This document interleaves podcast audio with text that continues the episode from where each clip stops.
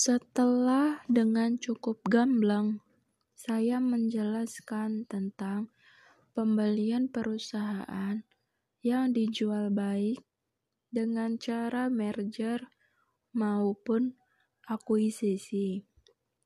Pertanyaannya adalah, masihkah Anda ingin menjadi pemimpin dari suatu usaha atau perusahaan secara singkat?